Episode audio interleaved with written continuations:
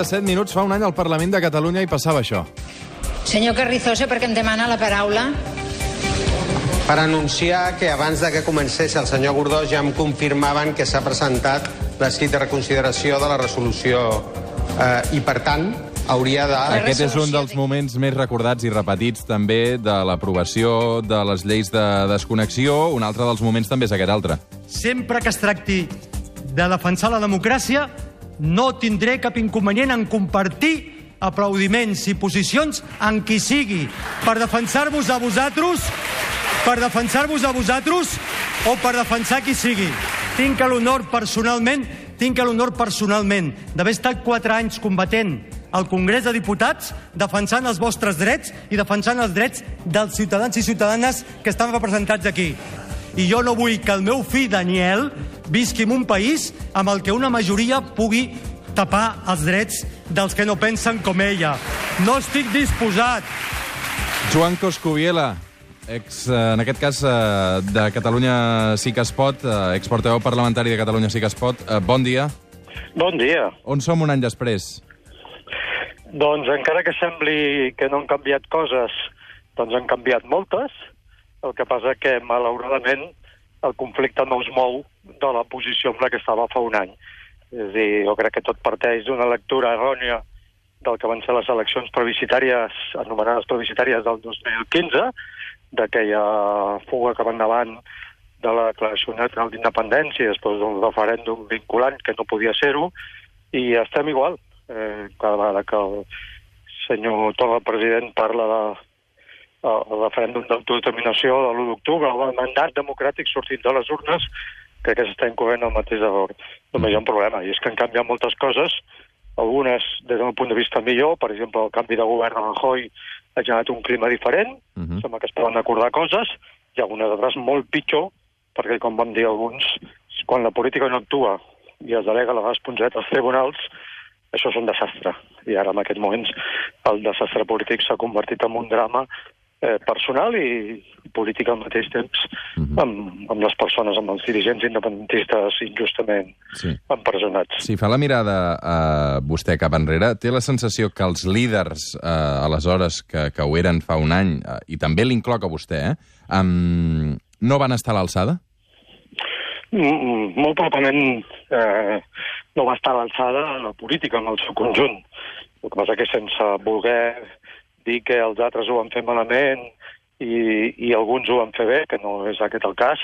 Jo vull recordar que nosaltres, com a grup, modestament, eh, vam aconseguir durant tota aquesta legislatura eh, evitar el frontisme entre els dos grans blocs que estan configurant i vam presentar propostes que podien haver estat pistes de tagatge perquè l'independentisme fes un tagatge suau davant d'un plantejament irreal. I això no ho dic jo, això ho va reconèixer en el seu moment el propi eh, president Puigdemont. Uh -huh. Nosaltres vam acordar coses importants, com per exemple la partida pressupostària per fer un referèndum en condicions que per cert no s'ha impugnat per l'Estat i continua estant vigent. I vam donar suport a tot el que feia referència al Pacte Nacional per al referèndum. Mm. És a dir, eh, sí, és veritat que eh, tothom pot tenir responsabilitats, sens dubte. Aquí hi ha dos grans responsabilitats polítiques, les d'un Rajoy i un Partit Popular, que després d'haver alimentat el conflicte amb Catalunya per treure vots a Espanya va optar per aquí no passa res i deixem que la cosa es podreixi i es desinflarà el, bluff, el, el, el bluff no? tal com ho, ho dissenyalen ells, cosa que ja s'ha vist que no és veritat, perquè l'independentisme té unes bases molt sòlides, i dos, aquells dirigents independentistes que, que van van començar a tirar endavant la consigna de tenir pressa, ara o mai, ho fem-ho, mm -hmm. i, i van anar cap a un cagaró sense sortida. L'avantatge que hi ha ara un any després és que això quan ho dèiem nosaltres, quan jo ho deia fa un any, tothom ens acusava de tots, la llista de traïdors i així, que ara està plena de, de gent traïdora, no? Tardà, per exemple, també. Doncs, però ara ho reconeixen ells, perquè, clar, quan, quan l'exconsellera Clara Ponsatí diu allò de eh, tots ho sabíem, anaven de farol, doncs està reconeixent això, uh -huh. o fins i tot ara quan estan començant a aparèixer ja llibres periodistes, l'últim, el de Lola García, eh, titulat Naufragio, que posa de manifest que mm, molt temps abans eh, molts dirigents independentistes sabien que allò hi havia estructures d'estat preparades, que allò no era viable, que els riscos penals existien i tot això, clar, mm, jo crec que aquí sí que hi ha responsabilitats molt greus. Mm -hmm. Però a mi no m'interessa això per mirar cap enrere, perquè no té cap sentit ara fer retrets. Doncs... El que m'interessa és el que va passar per, per intentar projectar cap al futur alguna sortida. Mm -hmm.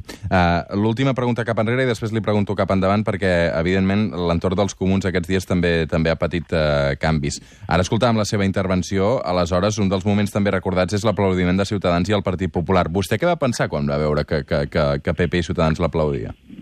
Miri, si vol que li digui la veritat, en aquell moment eh, no vaig pensar gaires coses, perquè estàs ficat dins una intervenció que, a més a més, era improvisada, és a dir, no era una intervenció prevista, va ser una intervenció per entendre'ns d'ordre del dia davant de les reiterades intervencions de la portaveu de Junts pel Sí, Marta Bovira, amb arguments que em van semblar democràticament molt perillosos, que la majoria ho pot tot, que la majoria no té per què sometre's a cap regla, que la majoria, si vol, pot canviar les regles, que la majoria, si vol, pot saltar-se la Constitució, l'Estatut i el Consell de Garantia Estatutària. Hi va un punt d'inflexió quan mm. fins i tot es va atrevir a degradar el Consell de Garantia Estatutària dient que els acords del Consell de Garantia Estatutària que ens enviaven al Parlament dient que allò no es podia fer, que s'havia d'esperar el dictamen preceptiu, que vol dir obligatori, d'altra cosa és que tot no sigui en compte obligatori, doncs després això va començar a dir que és que el Consell de Garantia Estatutària va prendre aquell acord amb pressions per la porta a la darrere, i vaig veure el president Puigdemont aplaudint eh, clar, aplaudint quan s'estava insultant un organisme de, de la pròpia Generalitat, va ser com vaig demanar la paraula. Doncs en aquell moment jo no, no li vaig donar cap importància. Eh, el que sí va sortir una convicció profunda meva, que és la que vosaltres heu tret ara amb aquest tall, i és que mm, a mi no m'importa coincidir amb gent amb la que tinc divergències ideològiques i polítiques molt clares, amb gent la que he combatut al Congrés de Diputats, la seva majoria absolutista.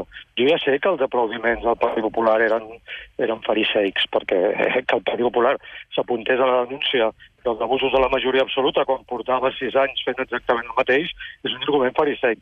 Però a mi no m'importa, a part de que no puc evitar que la gent aplaudeixi, i sobretot el que després hi puc comprovar és que els aplaudiments més importants no van sortir mai a la tele, perquè evidentment eh, eren a casa seva, que és el de tota la gent durant tot aquest any que m'ha transmès gent, la meva gent, la, la, la gent de l'àmbit que jo conec, de l'àmbit del sindicalisme, de l'esquerra progressista, que m'ha dit que aquell dia es van sentir representats i que van agrair moltíssim que algú posés veu a, al que ells sentien des de feia molt de temps. Mm -hmm. Per tant, hi ha, uns, hi ha uns aplaudiments que mai sortiran, però que jo els he viscut i els he, els he sentit íntimament amb molta satisfacció. I també està bé que ara, que ara ho pugui aclarir. Uh, Joan Coscubiela, una última pregunta per mirar cap al futur. Um, els comuns uh, ara no compten amb Xavier Domènech. Uh, són més dèbils? Com es poden refer d'una baixa tan important com aquesta?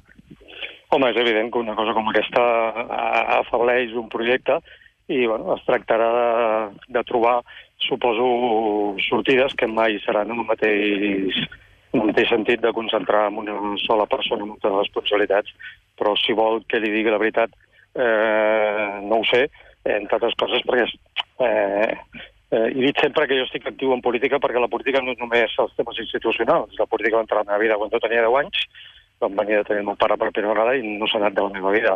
Ara estic fora de la política institucional, també partidària, i per tant no estic en condicions i no sóc la persona més adequada.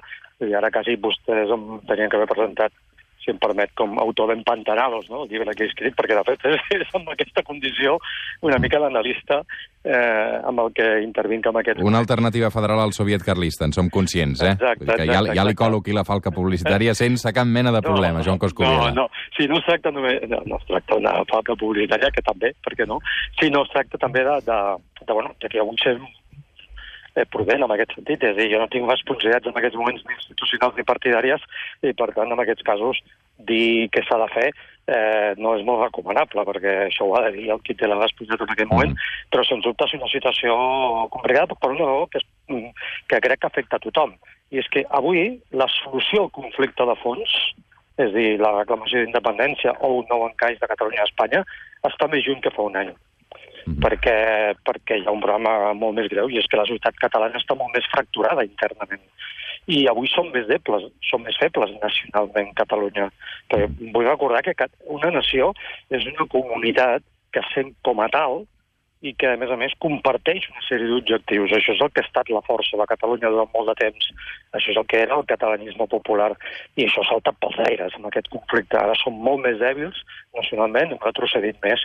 És a dir, jo veig, jo veig la solució eh, molt més lluny, Mm -hmm. I el que passa és que ara el repte que crec que hem de tenir tots és buscar una sortida, que és diferent d'una solució. I no hi ha sortida fins que els dirigents independentistes estiguin a la presó. Mm. Jo, jo ho sé, tothom li demana als dirigents independentistes que vagin més enllà a l'hora d'assumir que el camí unilateral no va a cap lloc. I jo crec que fan molt bé Junqueras al tardar en dir-ho, però jo també algunes vegades els dic a la gent que, que els exigeixen que vagin més endavant els dic sí, però és que ho tenen una mica difícil anar més endavant, perquè és que està la gent a la presó, i això és com una llosa que, que, que ho esclafa tot, no? Aleshores, hem de ser capaços tots de generar un clima que faciliti que, que les persones que estan injustament a la presó puguin sortir, perquè sense aquesta situació, jo no dic que fent això hi hagi la solució, però sense treure la gent de la presó serà molt difícil que es pugui entrar, ja no amb la solució, sinó, sinó ni tan sols amb una sortida. Mm. I aquest és el drama que tenim com a, com a país. No hi ha com a Joan... força política uns i els altres com a país.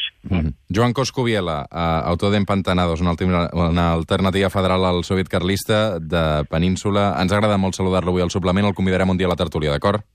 Molt bé, intentarem ser-hi. Una abraçada, que vagi bé. Vale, gràcies. Adéu.